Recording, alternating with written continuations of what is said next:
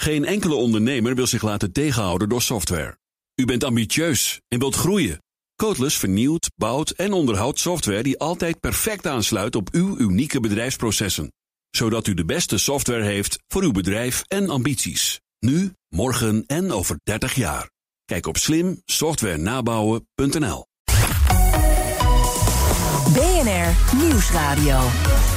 The Big Five. Art Rojakkers. Fijn dat je luistert naar BNR's Big Five. In coronatijd hadden we massaal nieuwshonger. Luister, lees en kijkcijfers bereikten recordhoogte. In BNR's Big Five van de hoofdredacteuren horen we hoe de redacties zochten naar de juiste rol en voor welke moeilijke keuzes ze kwamen te staan. En we praten ook over toenemende geweld tegen journalisten. Dreigementen zijn inmiddels dagelijkse realiteit. Dus welke maatregelen moeten hoofdredacteuren nemen om zichzelf en vooral ook hun mensen te beschermen?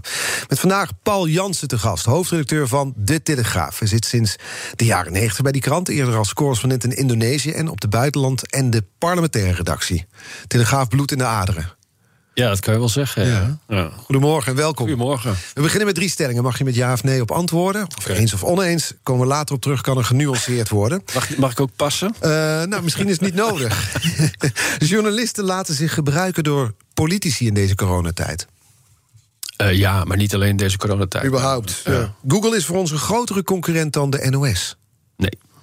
En de chocoladeletters van de Telegraaf dragen bij aan polarisatie. Uh, misschien. Dat is de pas. nee, nee, het is, ja, het is, het is, het is een beetje enerzijds ander, anderzijds ja. NRC-antwoord. Maar ah, laat, laat, ik gewoon uh, ja zeggen. Ja, oké. Okay. Nou, we ja. komen erop terug, hoor. Oké. Okay. uh, sinds 2015 hoofdredacteur, hè? Ja, ja, klopt. Bij, bij je aantreden moest je tientallen banen schrappen. De, de oplage van jullie papieren krant is in 20 jaar tijd ongeveer gehalveerd. Mm -hmm. qua bereik zijn jullie ingehaald door het Algemeen Dagblad. Wat gaat Ja. op dit moment goed bij de Telegraaf? Qua, qua printbereik. Nou, heel veel kan ik je vertellen. Want uh, sinds uh, twee jaar groeien wij uh, weer sterk in abonnees. Ehm, wij zijn in. de coronabonus? Nee, want uh, dit, de, deze trend is al ingezet voordat corona helaas ons, uh, ons met z'n allen trof. Waar wij als journalistieke organisatie, net als andere uh, uitgeverijen, dagbladuitgevers, geen, geen negatief effect van hebben gehad in, in de oplage, om het maar zo te zeggen. Mm -hmm. Dus dat heeft ons geen windeieren gelegd. Maar wij hebben inmiddels ruim twee jaar geleden hebben wij. Uh, onze hele publicatiestrategie omgegooid. We hebben een uh, digitale betaalmuur uh, geïntroduceerd. Over een derde van de artikelen online moet je voor betalen tegenwoordig. Ja, ja het, is, het is een zogeheten hybride model. Ja.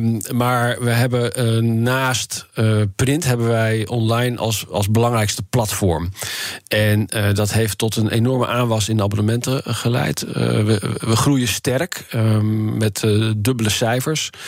En in de afgelopen twee jaar betekent dat uh, bij elkaar opgeteld dat we ongeveer 70.000 abonnementen erbij hebben. Nou, Welde hij trots? Ja, dan, ja, dan kijk, jij begint uh, uit een ander vaatje te tappen, dan uh, tap ik even terug. Precies. Uh, ik moet er wel bij zeggen dat print blijft een krimpmarkt. Ja. Ook, ook voor ons, dat gaat, dat gaat echt niet meer groeien. Maar wij zien wel en, en, ehm, dat, dat in de, het digitale domein de groei dusdanig is dat je daarmee die krimp, want de marges zijn in print wel beter dan eh, in, in het digitale domein. meer te verdienen. Maar ja, die, die groei is zo hard dat we dat compenseren. En dat is wel heel belangrijk. Maar ik kan ook melden. En dan hou ik met borstklopperij op. Uh, dat uh, de laatste cijfers die ik heb gezien. dat de, de oplage, dus dat is de print en de digitale oplage. dus de replica, mm -hmm. de digitale krant. bij de Telegraaf ook groeit. Kijk, Opge opgeteld. Want op de voorpagina staat ook trots spraakmakend de grootste. Zo is dat, meneer. Staat op de papieren krant. Ja. Dacht ik, ja, dat is ook wel een, een, een ja, manier van creatief boekhouden. Want als ik dan de, de bereikcijfers bekijk. Dan, dan is toch echt het AD groter. Als je kijkt in printbereik, klopt dat. Maar printbereik is. Maar toch staat dan voor op de krant spraakmakend de grootste? Uh, dat staat ook uh, niet voor niets, want uh, wij vinden het AD iets minder spraakmakend. spraakmakend. Of zoals Hans Nijhuis zelf zegt, kleurloos. Hij is er trots op. Kleurloos de grootste. Kleurloos de grootste. Ja, ja dat zouden zij in, in, Ik herhaal in printbereik. Hè. Ja. Printbereik, dat is natuurlijk een heel raar begrip, want vroeger werd er gelegen in oplagen, gemeten in oplagen. En in de oplagen zijn wij nog steeds aanzienlijk groter dan mm -hmm. het AD. Uh, maar zoals je misschien weet, wordt er um, um, via een. Uh, een, een, meting onder een groep, een panel van lezers, wordt er vervolgens een rekenmethode op losgelaten en de aanname daarbij is. En in mijn formulering merk je al dat ik daar iets van vind. De aanname daarbij is dat één AD door meer mensen wordt gelezen dan één Telegraaf. En, en zo is het dus mogelijk dat, hoewel hun oplage aanzienlijk lager is dan die van de Telegraaf, de bereikcijfers hoger zijn. Dat de printbereikcijfers, wat ja, dat is natuurlijk gek, gek uh, of lastig te meten, maar de printbereikcijfers zijn daardoor toch hoger. Nou, ik, uh, ik zou zeggen, gefeliciteerd. Ja, het is een beetje stuivertje wisselen. Laten we het zo dan bekijken. En dat is ook goed, hè? Je bedoel, concurrentie, we geven vaak uh, af op elkaar, maar ja. we hebben elkaar ook hard nodig. Want je houdt elkaar gewoon scherp. Ja, maar dan zijn jullie dus over het scherp gesproken spraakmakend. Zou je ja. zo de Telegraaf omschrijven? Hoe zou je jullie als krant omschrijven? De toon, het karakter? Nou ja, spraakmakend staat niet voor niets elke dag uh, op die voorpagina. Ik vind dat een goede samenvatting van uh, wat we zijn en wat we graag willen zijn. Ja, en spraakmakend betekent dan op alle vlakken? Um, nee, het is natuurlijk een, een kernachtige samenvatting uh, van, van wat je als nieuwsproduct maakt. Maar. Um, is spraakmakend hetzelfde als? Nee, wat mij betreft niet. Wat jou betreft wel? Nou, ik vroeg me af, omdat de, de Telegraaf staat bekend... En, mm. uh, om uh, die mooie, forse, flinke chocoladeletters. Zo is het, die ja, grote koppen. Als ja. een van de weinige kranten, misschien ja. wel de enige krant in Nederland... gebruiken jullie die. Die schreeuwen je soms toe. Uh, en terecht, soms is dat nodig. We hebben wel uh, in, de, in de aanpassing van de vormgeving uh, eind 2015... hebben we ook wat aan de chocoladeletters gedaan. En ik heb, ik heb daarbij wel aangegeven... Kijk, chocoladeletters zijn belangrijk. En ik, ik vind ze horen bij de Telegraaf. Hoort bij de traditie van de Telegraaf. is echt, echt een kern van een onderdeel van onze uitstraling. En, en daar mag iedereen wat van vinden. Hè. Daar heb ik helemaal geen probleem mee. Als je dat helemaal niks vindt, nou ja, dan vind je het maar niks. Uh, wij vinden het wel uh, belangrijk, maar ik, je moet het wel doseren. Dus uh, de ene dag pakken we een iets kleinere letter uit, uit de. Maar nog steeds een chocoladeletter hoor. Ik ja. zie je wat ongerust kijken. Ja. Maar iets kleinere chocolade. chocolade dan. ja, ja, dan de andere dag. Maar. Um, het is. Het is uh... Waarom is het essentieel om de massa te bereiken?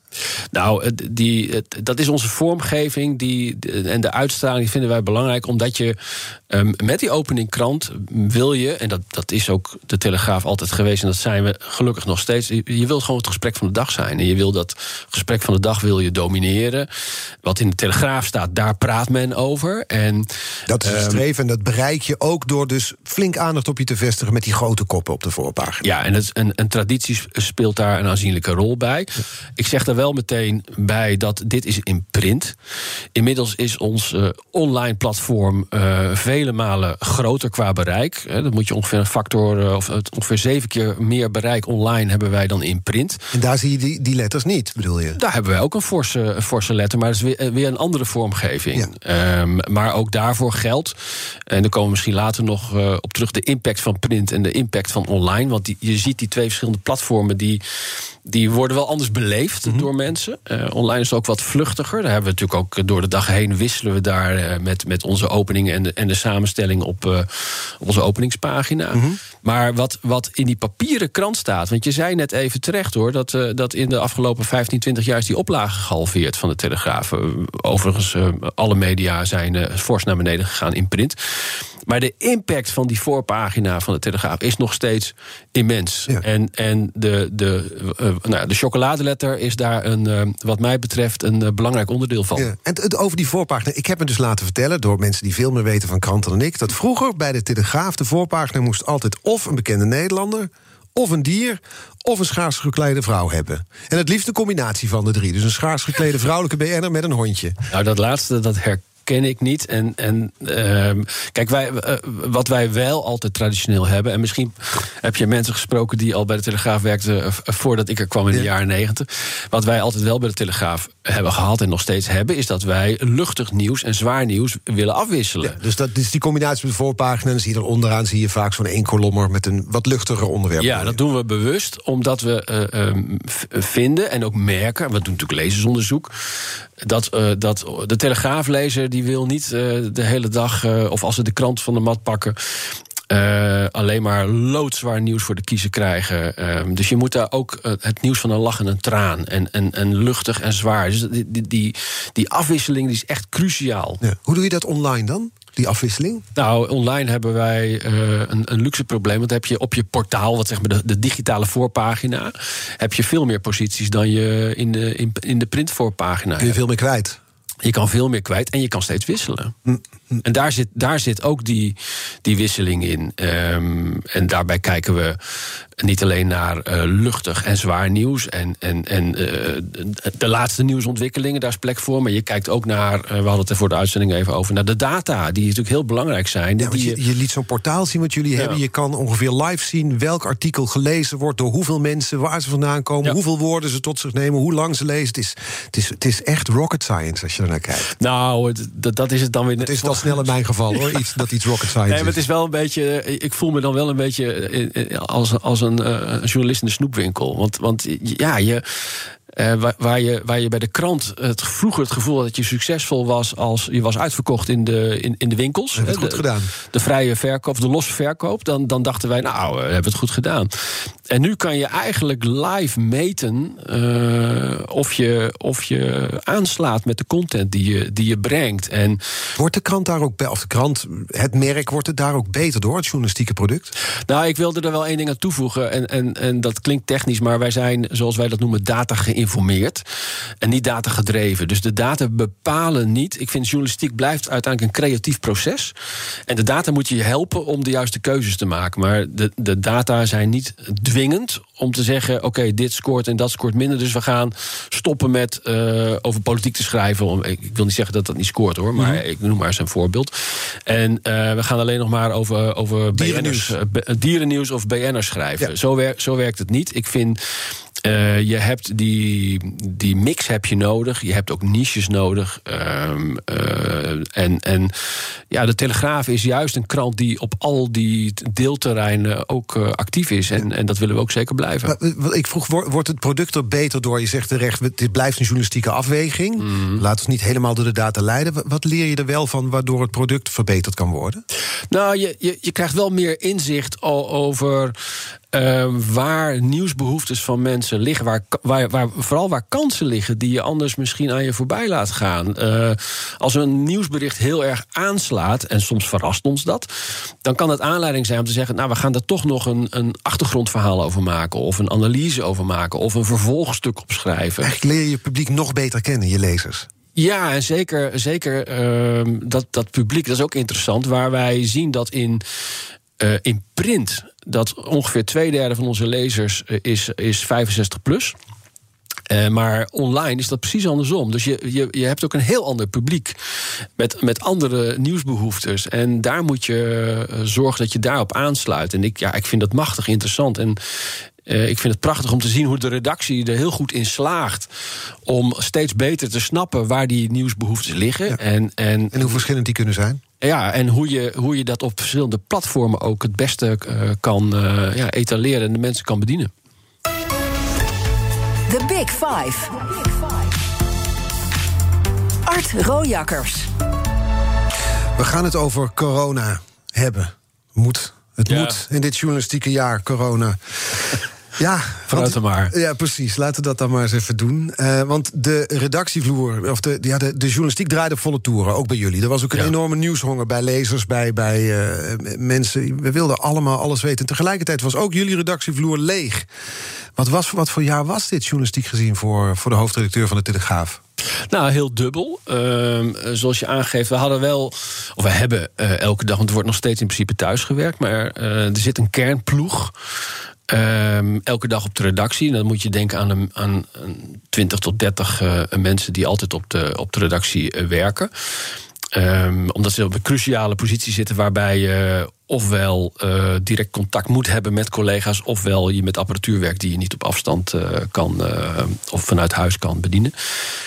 Um, maar het, het, het overgrote deel van de mensen zit dus inderdaad vanuit huis te werken. Uh, en uh, ja, er zijn een flink aantal collega's die al ruim een jaar niet meer op de redactie zijn geweest. En uh, dat is heel wisselend, maar vaak toch wel moeilijk voor collega's. om om nou, toch wat geïsoleerd te raken. Kijk, journalisten die, die kunnen op zich goed zelfstandig werken. Hè. Ja, dat, dat, kunnen voor zichzelf zorgen. Dat is toch ontslag. Maar als je zo lang um, niet meer op een redactie kan zijn, dan ga je toch aansluiting missen. Je gaat een stuk creativiteit missen in het overleg. Want overleggen via uh, videoschermen is toch een andere, krijgt toch een andere dynamiek mm -hmm. dan als je met de benen op tafel op de, op de, op de werkvloer zit. Uh, dus dat zijn hele moeilijke omstandigheden. En gelukkig uh, zijn die eindig en, en worden snel beter.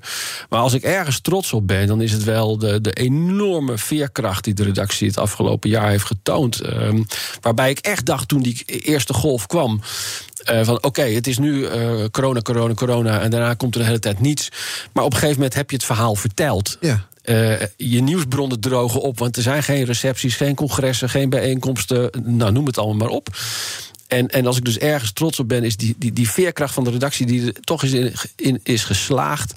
Maar als om, om nieuws te kunnen nieuws te blijven brengen en met, met, met vanuit het eigen netwerk. Mhm. Mm -hmm. Want je leert in zo'n omstandigheid wel dat als je als journalist je netwerk niet op orde hebt, ja, dan ben je nergens. Nee, dan nee. ben je weg. En als we die eerste golf eens kijken, want er is, uh, ja. dat is deze week een paar keer voorbij gekomen, ook bij Harm Tazelaar, die sprak maandag, gisteren uh, Marcel Geloof van de NOS. Mm -hmm. Uitzendingen zijn terug te luisteren, uiteraard. Um, er kwam voorbij kritiek op de coronaverslaggeving in de media, vooral in die eerste golf.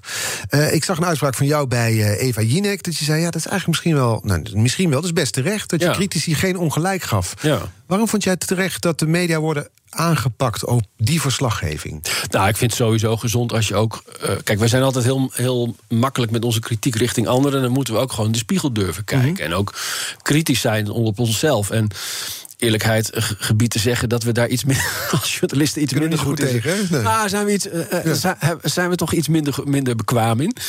Uh, maar ik vond het in deze terecht omdat wij ook, uh, zeker in het begin, maar nog steeds, maar zeker in het begin wel worstelden met onze positie. Waarbij je uh, zo afhankelijk bent van eenzijdige, onvolledige informatie van een, van een overheid. Uh, in, een, in een tijd waar het sentiment in het land heel erg sterk is. Wij moeten volgen wat er wordt gezegd. En uh, als jij als krant kritisch bent. En we hebben, we hebben een aantal onthullingen gedaan.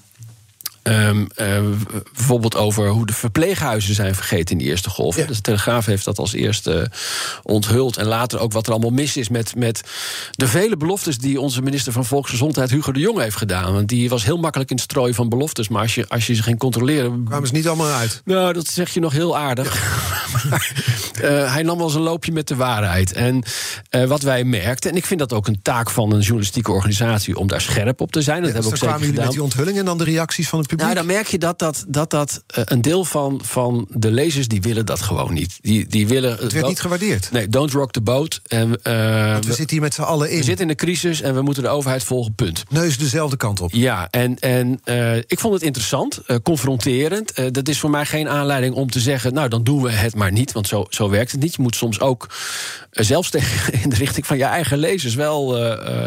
eigenwijs durven zijn. Eigenwijs durven zijn, zo is het. Maar wat ik er vooral moeilijk aan vond, is dat de informatiepositie zo gebrekkig was. Uh, en je voelde soms wel van, mm, uh, klopt dit wel? En, maar je, je hebt geen andere bronnen. En ja, dan zit je in een, in een situatie met al die persco's uh, en, en de, de, de, de gestuurde informatie vanuit de overheid. Uh, waarbij ik wel een, een ongemakkelijk gevoel kreeg dat we, dat we te dicht aanschurkten tegen de, het verhaal en de lijn die vanuit die overheid uh, werd uitgedragen. En met we bedoel je dan de journalistiek in zijn algemeen, niet alleen nou, de Telegraaf? Ja, maar ik heb het nu even over de Telegraaf. Ja. Maar ik, ik, zie dat in, ik zag dat in algemene zin ook wel. Ja, want en, onze, onze columnist hier bij BNR, Marianne Zwagerman... die had maandag haar column en zij zei... ja, ik zag een gebrek aan zelfreflectie bij media. Hoezo zijn we als journalisten overvallen? Zo'n pandemie, daar werd al jaren over gesproken. Dus er is te weinig introspectie binnen de journalistiek. We hebben ja, niet zitten opletten.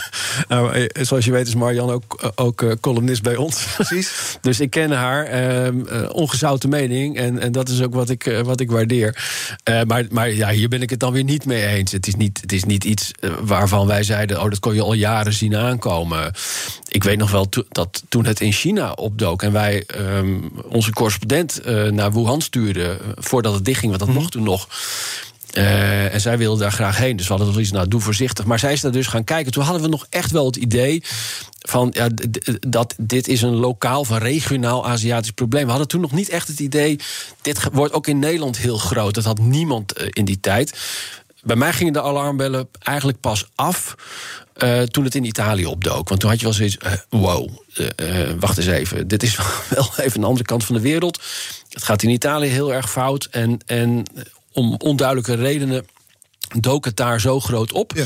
En toen wist je wel van ja, als het daar zit, dan uh, is het ook uh, morgen of overmorgen. Ja, we zijn het nu bijna vergeten. Maar mijn ouders komen uit Brabant. Dus er waren op een gegeven moment waren er hier in Nederland ook maatregelen voor in Brabant. Regionale ja. maatregelen. En niet, niet dan hier bijvoorbeeld in de Randstad. Terwijl alsof een virus dat uit China naar Europa weet te komen, dan wel bij de Maas of de Maal stopt. Denk nou, nu is het ver genoeg. Noordelijke gaan we niet. En, en, vergeet niet de, de communicatie van het RVM in het begin. Toen het nog niet in Nederland officieel was opgedoken. Waarin toch een hele ja, berustende toon van... nou, het loopt allemaal zo vaart niet. En, uh... Maar dat was het punt van Marianne Zwageman. Ja. Zij zei, luister, uh, we, journalistiek rende te veel achter instanties aan... omdat ze een informatieachterstand hadden. Maar mm. heeft de journalistiek wel genoeg ge geïnvesteerd in journalisten... die weten van de zorg, toch de tweede grootste zorg, uh, kostenpost van de overheid... Ja. die genoeg weten van wetenschap. Met andere woorden, was de journalistiek wel behept... om met zoiets als dit om te gaan? Nou, ik vind het, ik vind het een goede vraag. Ik denk het antwoord hierop ja. Ik denk dat alle kranten eh, goed investeren in, in uh, journalistiek uh, in dit deelgebied. Kijk, het verschil is een beetje. Kijk, Marianne heeft een mening, een uitgesproken mening. En, en bedoel, daar is ze ook goed in. En dat is ook haar kracht. Maar tussen, tussen een mening hebben over iets en denken hoe de zaken zijn. en feitelijk kunnen aantonen dat zaken um, naar links of naar rechts gaan, of weet ik veel. Dat is wel even wat anders. En het probleem zat hem, zat hem er niet zozeer in dat wij als journalistieke organisatie niet het gevoel hadden van hmm, klopt dit allemaal wel, maar dat we feitelijk niet konden onderbouwen dat wat er werd uh, beweerd dat dat niet klopte. Ja. En uh, ik, ik geef ook nog even informatieachterstand in die eerste fase totale, van de pandemie. Ja, totale informatieachterstand, omdat Um, um, ja, kijk, we, we, kunnen wel van alles vinden, maar uiteindelijk zoek je als journalist, zoek je bij een verhaal, zoek je bronnen, experts die iets kunnen staven, die iets kunnen bevestigen, en zo bouw je een verhaal op. Maar als die experts er niet zijn, uh, of dat niet willen bevestigen, of dat niet onderschrijven, ja, dan kan je van alles vinden. Verhaal. Maar nou, dan heb je gewoon geen verhaal. Nee. En, en nog een ander punt wat ook speelde tijdens deze hele mhm. pandemie, waren die wekelijks in het begin en uiteindelijk wat, wat de frequentie werd het ruimen, maar die persconferenties van ja. Mark Rutte en Hugo de Jonge, die dan ook live werden uitgezonden uitgezonden door de NOS. We zaten met z'n allen in het begin te kijken. Maar eigenlijk wisten we het allemaal al, omdat het allemaal al gelekt was vooraf. Ja, dat vond ik. Dat, dat, nou, ik heb, uh, zoals je zelf ook aangeeft, ik heb zelf jaren in Den Haag gewerkt. Dus ik weet precies hoe, hoe dat werkt dat? Nou ja, dat is gewoon bewust. Dat, kijk, uh, dat, dat, wat je doet Um, is je wil niet op zo'n persconferentie het land in één keer laten schrikken met een. een uh, het ging in de tijd dat het eigenlijk steeds minder. Grote mocht. boodschappen. Grote, grote kwade boodschappen. Dus dan, dan masseer je de publieke opinie alvast een beetje in de richting van wat er gaat komen. En dat doe je door gericht uh, de informatie alvast uit te zetten of te lekken. En, en dat is wat, wat er gebeurt. Ik heb altijd, uh, toen ik in Den Haag werkte als chef, altijd tegen mijn team gezegd: luister. Het is helemaal niet erg dat je als politiek journalist wordt gebruikt eh, door, door politici. Want iedereen gebruikt iedereen uh, in, in, in die Haagse wereld. Ja. Maar het is wel cruciaal dat je weet waarvoor je gebruikt wordt. Dan kan je namelijk beslissen of je eraan mee wil werken. En ik vind, ik vind wel dat in deze uh, coronacrisis. dat wij soms wel iets te makkelijk als, journalist, als journalisten, hè, want ik heb, spreek dan in, mm-hmm. in brede zin, uh, iets te makkelijk zijn meegegaan uh, of ons hebben laten lenen om dat verhaal te vertellen. Maar ik zeg je ook heel eerlijk, Art, ik, ik, wij, wij hadden als wij een nieuwtje hadden op dat vlak en je wist dat een dag later die persco was, dan zeiden wij ook publiceren. Ja. Dus wij doen er ook aan mee. Zo werkt het ook. We gaan er zo over verder praten. Ja. Over die dynamiek en ook over het toenemende geweld tegen journalisten... en het veranderende medialandschap. Praat ik allemaal verder over met Telegraaf-hoofdredacteur Paul Jansen. Tot ziens. BNR Nieuwsradio. The Big Five. Art Rojakkers. Welkom bij het tweede halfuur van BNR's Big Five. Deze week spreek ik met vijf hoofdredacteuren. Later spreek ik nog het morgen met Pieter Klok van de Volkskrant... en met Corine de Vries van het Mediahuis. En vandaag de gast Paul Jansen, hoofdredacteur van De Telegraaf. Um, ja, de Telegraaf krijgt regelmatig volgens mij te maken met bedreigingen met geweld. Uh, dat is niet van de laatste tijd zo, dat is al langer zo. Want in 2018 ramde een bestelwagen het, uh, het Telegraafgebouw. Um, en sindsdien is het aantal bedreigingen alleen maar toegenomen, begrijp ik. Klopt dat? Nou, het is, het, het, het is helaas een fenomeen waar wij ook al voor 2018 mee te kampen hadden.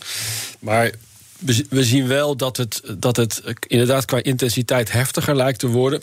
Ook met name op sociale platformen.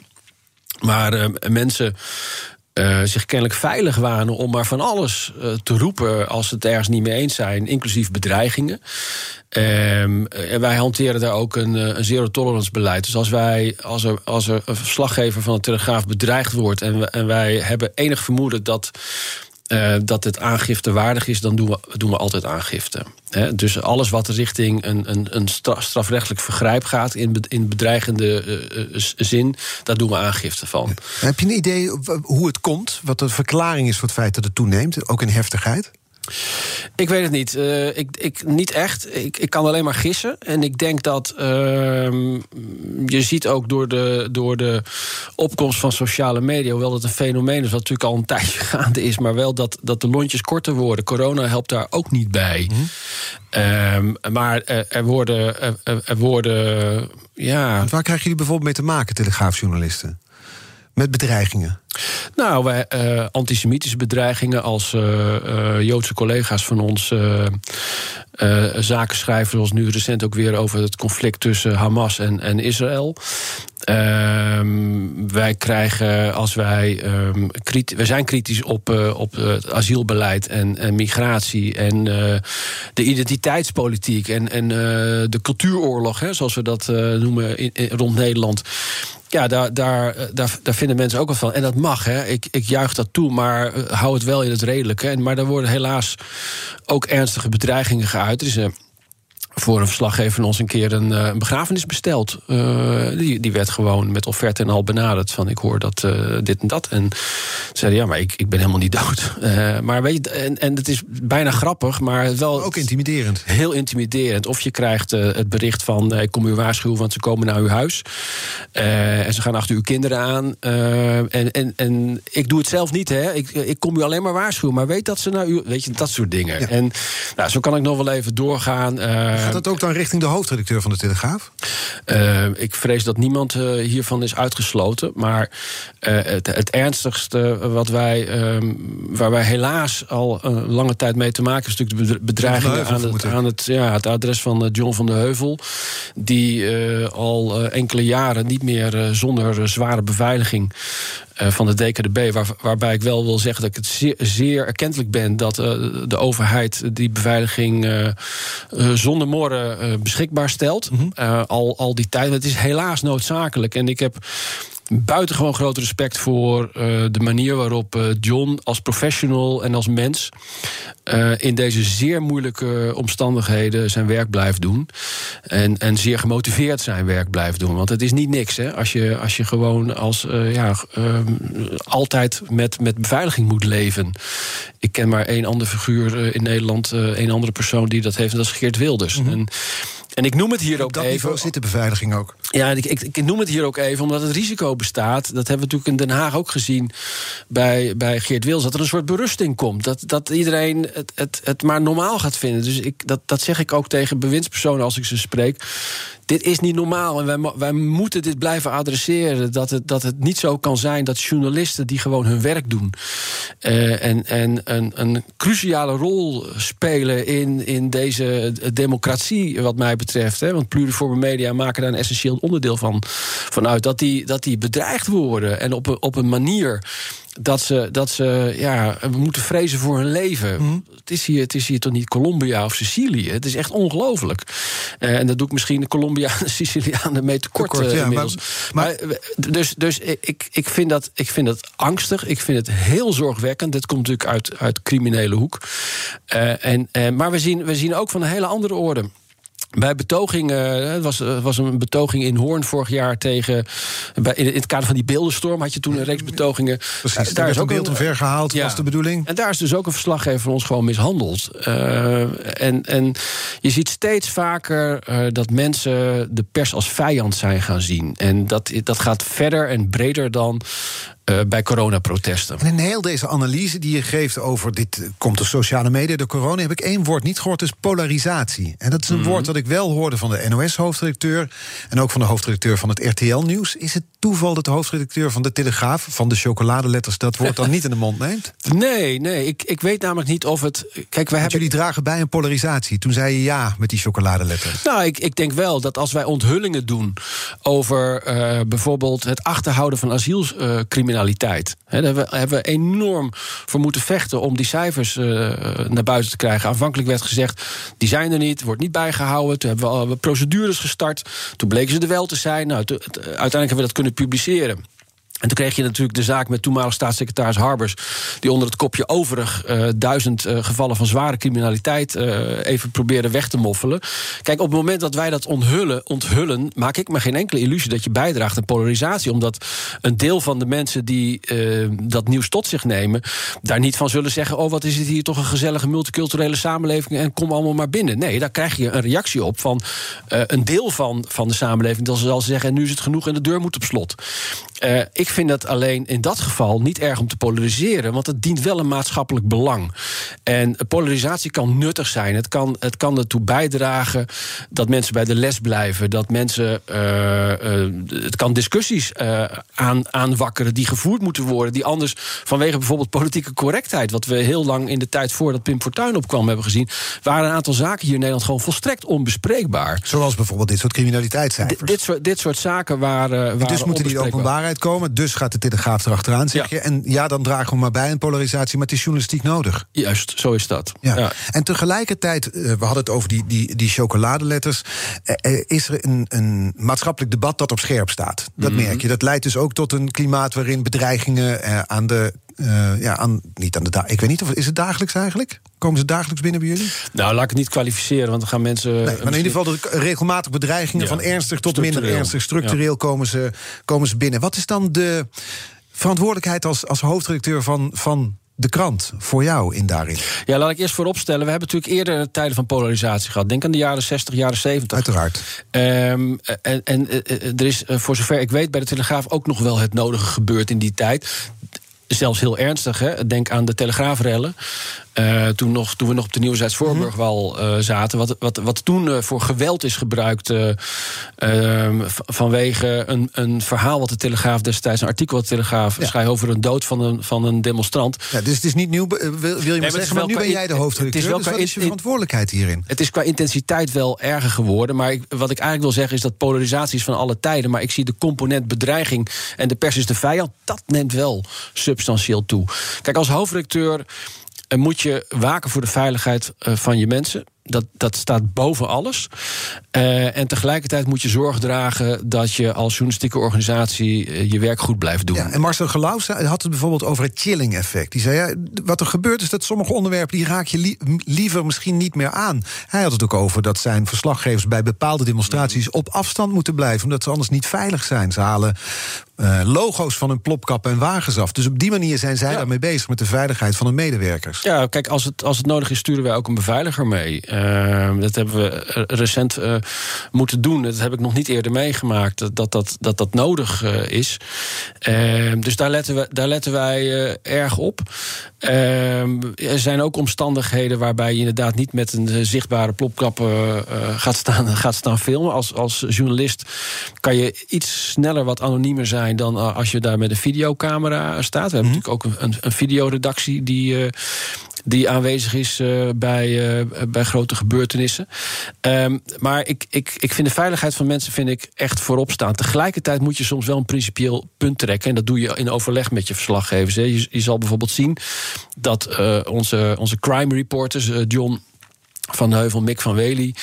Eh, zijn, hebben zich niet laten intimideren. En dat was ook de openingskop na de aanslag op, de, op het telegraafpand. Eh, wij Legendarische kop, wij ja, zwijgen wij zwijgen nooit. Nooit was het inderdaad. En, en dat, dat, dat punt moet je dan ook wel maken. Ehm, en, en, maar dat is, dat is niet gratuit, weet je. Dat, is wel, dat- doet wel iets met je, met je als, als hoofdredactie... maar ook iets met je als journalistieke organisatie.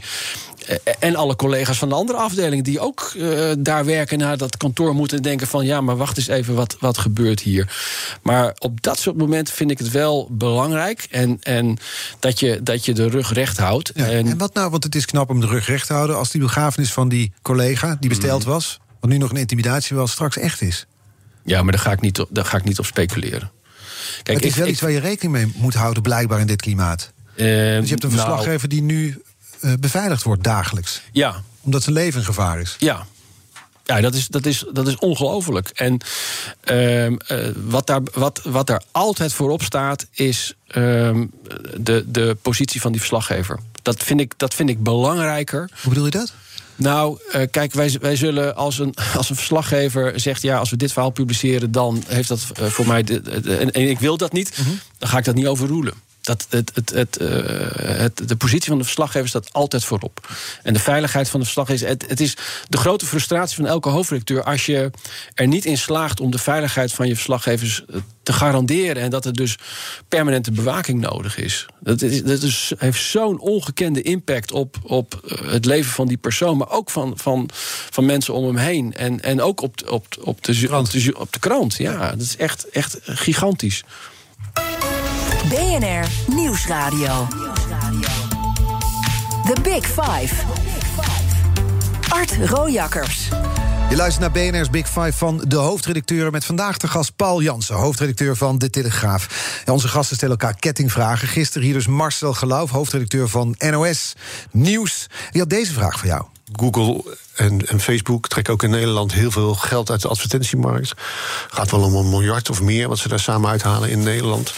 In Australië leidde die discussie tot de vraag ehm, of je van Google zou mogen vragen dat ze de journalistiek betalen. Hè? De, de, de, niet, niet de publieke journalistiek, maar de private journalistiek. Dat liep heel hoog op. Eh, zover dat eh, Google zelfs op een gegeven moment eh, dreigde zijn zoekmachine weg te halen uit Australië. Zover is het niet gekomen. Maar ik vraag me af of Paul vindt, als het gaat om het verder versterken van de journalistiek, ehm, of op die manier in Nederland ook een discussie gevoerd zou moeten worden over of je meer van de big tech zou mogen vragen in het ondersteunen van de journalistiek. Ehm, eh, of die vindt dat dat soort Australische eh, aanpak of denken, of we die discussie in Nederland ook zouden moeten beginnen en of dat ook zou moeten, of hij daar behoefte aan heeft en dat het verstandig vindt. Dat is een hoofdredacteur, hè? dus die- dat zijn geen bondige vragen die je krijgt. Nee, en Marcel is een slimme man. Eh, dus wat wij hebben hier namelijk wel vaker discussies over. Want ik, ik, ik vind dat de NOS doet aan, eh, aan eh, journalistieke concurrentievervalsing. Journalistieke concurrentievervalsing nog Ja. wel. Vertel. Nou, we hebben vaak een discussie over het feit dat. ehm, in Nederland de publieke omroep, eh, die natuurlijk met, eh, met gemeenschapsgeld wordt gefinancierd, op geen enkele wijze begrensd wordt, zoals dat bijvoorbeeld in Duitsland en in België wel gebeurt. Ehm, het, het is toch opmerkelijk dat, dat de, de site van de NOS eh, niet een beeldgedreven site maar een woordgedreven site. De NOS, dat mag bijvoorbeeld in Duitsland niet. Eh, de NOS maakt long reads. En ik vraag me dan af, ja, welke publieke taak dient dat dan eigenlijk? Nou goed, we hebben daar dus discussie over. Ik, Want ik, welke publieke taak dient dat? Is journalistiek. Er wordt dan eh, journalistiek bedreven en gegeven aan het publiek. Dat meebetaalt aan die publieke omroep. precies, maar uiteindelijk, uiteindelijk eh, gaat het erom. En dat heb ik ook tegen de, tegen de dames en heren in, in Den Haag gezegd. want we zijn wel met de hoofdredacteuren ook in Den Haag de boer opgegaan. Eh, Als de politici jullie gebruiken, dan moet het ook andersom kunnen bedoelen. Zo is dat. nee, kijk, eh, waar het om gaat is dat ik vind dat politici, politici hebben altijd mond vol over pluriforme media en hoe belangrijk het is. Maar in, in, de, in, de, in een situatie waarbij die pluriforme media onder druk staan eh, met hun inkomsten, eh, zeker eh, de afgelopen jaren, ehm, kan je dat niet blijven beweren als er tegelijkertijd een belangrijke concurrent in het zadel wordt gehouden, de NOS, zonder enige beperking, die met ons concurreert. Kijk, om, om een voorbeeld te noemen. eh, en Marcel wijst dan altijd van ja, maar wij zijn helemaal niet jullie grote eh, gevaar, want dat is Google en Facebook. Dat was ook een van de stellingen aan het begin van de uitzending, hè? Ja, kijk, en, en waar het om gaat is, is je, moet het, je moet het volgende zien. Hè? Want, want eh, de NOS, of Marcel zegt dan altijd van ja, maar die vreten al je advertentieinkomsten weg. Even voor jouw begrip. Eh, de inkomsten van de Telegraaf komen voor 20% uit advertentieinkomsten en voor 80%, 80% hè, uit abonnementen. 80%. Die abonnementen, ehm, alles wat wij daar, daar melden, eh, gaat met name natuurlijk ook online. Dat heet premium. Dus er zit achter een betaalmuur. Mhm. Als wij een verhaal hebben wat wij achter een betaalmuur zetten en de NOS vindt het interessant, dan doen zij eh, even, even gechargeerd copy-paste. Eh, neem het verhaal over, zet er één keer in. Dit meldt de Telegraaf. En zet het verhaal gewoon open en gratis op hun site. Dat kost ons abonnement. Wij hebben daar last van. Ik vind, ik vind dat dat. Want de last is dat mensen dan denken... ik hoef geen abonnement op de Telegraaf meer te nemen... als ik het toch al bij de NOS lees. het verhaal waarin eh, de Telegraaf heeft geïnvesteerd, journalistiek heeft geïnvesteerd, waarin we graafwerk hebben gedaan, wordt gewoon één op één eh, overgenomen door de NOS. Eh, en die hebben geen betaalmuur. Kijk, het AD neemt ook verhalen van ons over en vice versa. Maar die hebben een eigen publicatiestrategie, is ook een commercieel bedrijf en hebben ook een betaalmuur. waar, waar ze natuurlijk hun eigen keuzes in maken.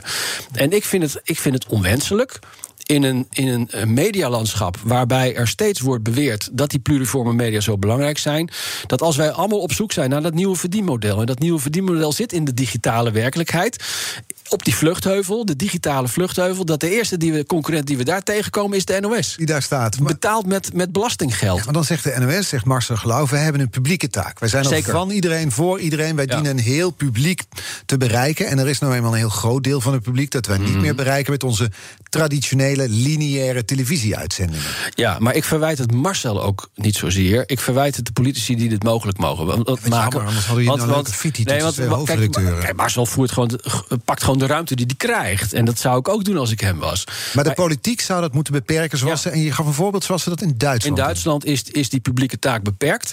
In België is die publieke Op wat taak. voor manier? Daar, daar mag niet een woordgedreven website eh, worden, eh, in de lucht worden gehouden. Woordgedreven, dus ze moeten daar vooral video's plaatsen. Dat Ja, zou de en- NOS dan moeten doen in jullie ogen. Nou ja, in ieder geval, in ieder geval niet. Kijk, kijk naar de site van de NOS. Dat is, dat is met name in tekst. Dus het gaat om artikelen in tekst. En dat gaat heel ver. Ehm, ik, ik begrijp gewoon Dat niet. gaat heel ver? Nou ja, omdat ik niet begrijp welke publieke taak er wordt gediend. eh, als de NOS in het weekend hele lange leesverhalen maakt in tekst. Terwijl alle dagbladuitgevers dat ook doen. Uiteindelijk concurreren we allemaal om de aandacht van de lezer. En die lezer heeft maar 24 uur in de dag. Mhm.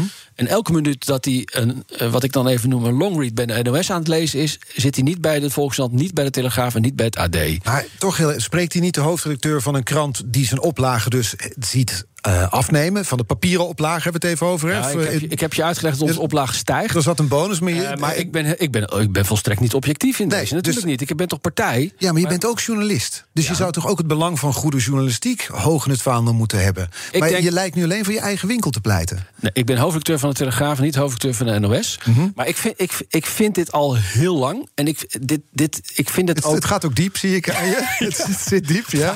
Ja, het is radio, maar men- dat mensen. Ik, ik, ik lach nog steeds. Dus dat mensen niet denken dat ik hier eh, met een rood hoofd. Nee, je staat nog net niet eh, te stampvoeten, maar het, zit- het scheelt niet veel. Ah, Kom op, zeg. Maar ik, ik, vind, ik, vind, ja, ik vind het wel een heel principieel punt. En da- daarom maak ik me er druk om. Omdat die politici die allemaal de mond vol hebben over hoe belangrijk het is dat die pluriforme media er zijn. Ja, jongens, dan denk ik boter bij de vis. Ja, en dat En- betekent dus dan ook inperken wat de, de NOS doet. Ja, de, de, de, de journalistieke taak van de NOS zou moeten, met name in het digitale domein, zou moeten worden ingeperkt. Ja, dus die vraag van Marcel Geloof over Google en Facebook... die hebben we op deze manier be- beantwoord. Dan kijken we meer naar de, de NOS. Wa- Wat ook een thema is met de hoofdredacteuren die ik deze week spreek... is de houdbaarheid van een, van een hoofdredacteur. Hoe, hoe lang gaat een hoofdredacteur bij de Telegraaf mee? Poeh, nou, dat, is, eh, dat kan eh, wisselend zijn, maar, maar, maar lang. Ik weet niet zo, of ze zo lang meegaan als bij, eh, bij RTL. Nee, 22 jaar zit hij daar 22 nu, aan Tazelaar. Ja. Hij zit er sinds eh, 2015. Ja. Ja, dus dan zit je nu in je seven-year itch. Nou, bedankt. Ja, dan begint het te jeuken. Gaat het Nee, op- volgend jaar pas. Hè. Ja. Het is, eh, Mensen hier journalisten kunnen niet rekenen, ik ook niet. Nee, dat 60 blijkt maar jaar. weer, ja. Dus eh, nee, ik, ik heb nog wel een klusje te doen. ja. Ja. Want wat moet er nog de komende jaren onder jouw hoofdredacteurschap gebeuren? Nou, ik vind dat we de, de we zijn op de goede weg richting eh, eh, de digitale transitie. Maar er zijn nog echt zoveel stappen te zetten. Eh, denk aan de personalisatie van nieuws, wat natuurlijk heel interessant is. Eh, hoe ga je daarmee om? Hoe ver wil je dat doorvoeren? Dat iedereen min of meer zijn eigen krant krijgt online. Dat bedoel nou, nee, uh, maar je kan wel met in, in, voorkeuren kan je het wel aanpassen. Ja. Ik vind dat je heel erg moet oppassen uh, dat, je, dat je dat uh, te rigide doorvoert. Want dan gaat iedereen zijn eigen bubbel leven. En dat, dat gevaar is er al vandaag de dag. En dat zou dan nog extremer worden. Maar je, zou, je kan bijvoorbeeld op bepaalde interesses. Kan je met nieuwsbrieven kan je daarop focussen. Maar ook op je, op je nieuwsaanbod, op, op, op je site en in je app. Zou je aan de hand van de voorkeuren van mensen zou je bijvoorbeeld, als iemand bijvoorbeeld niet geïnteresseerd is in voetbal, maar wel in tennis, nou dan kan je er toch voor zorgen dat je online uh, mensen uh, die die voorkeur hebben uh, aangegeven... dat je die meer tennisberichten laat zien en wat minder voetbal. Ja, en dat is dan een slag die je kan maken de komende Het is maar één voorbeeld, maar je, je, kan, je kan natuurlijk met personalisatie van nieuws... kan je op, op vele manieren kan je, kan je daar volgens mij enorm aan impact en relevantie toenemen. En nou, voor de rest is iedereen met audio bezig. We weten nog helemaal niet waar dat stopt. Hartstikke leuk audio. Ja, dat hoef ik jou inderdaad niet uit te leggen. Wij zijn er nog aan het ontdekken. Maar ik, ja, dat is fascinerend. op video, ehm, daar zijn we natuurlijk al vroeg begonnen. Ja. Dan zijn we ook uh, groot. Uh, maar dat staat, dat staat ook niet stil. En ja, uh, voor het overige zien wij. we weten niet wat de, wat de technologische ontwikkelingen gaan brengen. Maar wij zien wel dat de nieuwsconsument erg in beweging is. We moeten dus nog snel iets doen. Ik ga je onderbreken. Ja. Want morgen hebben we hier Pieter Klok te gast. Jouw collega, hoofdredacteur van de Volkskrant. Die mag jij dan weer een kettingvraag uh, stellen. Ja. Wat zou je van hem willen weten? Nou, een, be een, beetje aansluitend op waar wij het net al over hadden. Dus dat print staat onder druk. En mijn vraag aan Pieter is: um, denk jij dat er over tien jaar. Uh, nog zes dagen in de week een papieren krant bij de mensen wordt thuis bezorgd. En um, vind jij dat uh, bij uh, het antwoord op de vraag die in de uitgeefwereld al wel een tijdje gaat. Hè? In Amerika zien we ook dat er een aantal kranten zijn die niet meer zes dagen per week verschijnen, of zeven dagen, hangt een mm -hmm. beetje van het land waar, je, waar je zit. Maar vind je dat, uh, dat bij die afweging alleen een kostenbatenafweging moet worden gemaakt, of ook bijvoorbeeld journalistieke? We gaan het hem voorleggen morgen. Pieter Klok, de hoofdredacteur van de Volkskrant. En eigenlijk had ik nu willen weten wat Paul Jansen, hoofdredacteur van de Telegraaf, daarop zou antwoorden. Maar we zijn er de tijd heen. Nou, daar kan ik heel kort over zijn. Dat mag nooit alleen een centenkwestie zijn. Oké, okay. nou dan hebben we dat antwoord nog binnen. Dank voor de komst vandaag. Paul Jansen, hoofdredacteur van de Telegraaf. Graag gedaan. Ik zeg nog snel tegen de luisteraars dat onze aflevering natuurlijk terug te luisteren zijn in de BNR-app en op bnr.nl. En dat nu Ivan Verrips op deze zender te horen is met BNR Breekt. Tot morgen. Geen enkele ondernemer wil zich laten tegenhouden door software. U bent ambitieus en wilt groeien. Codeless vernieuwt, bouwt en onderhoudt software die altijd perfect aansluit op uw unieke bedrijfsprocessen. Zodat u de beste software heeft voor uw bedrijf en ambities. Nu, morgen en over 30 jaar. Kijk op slimsoftwarenabouwen.nl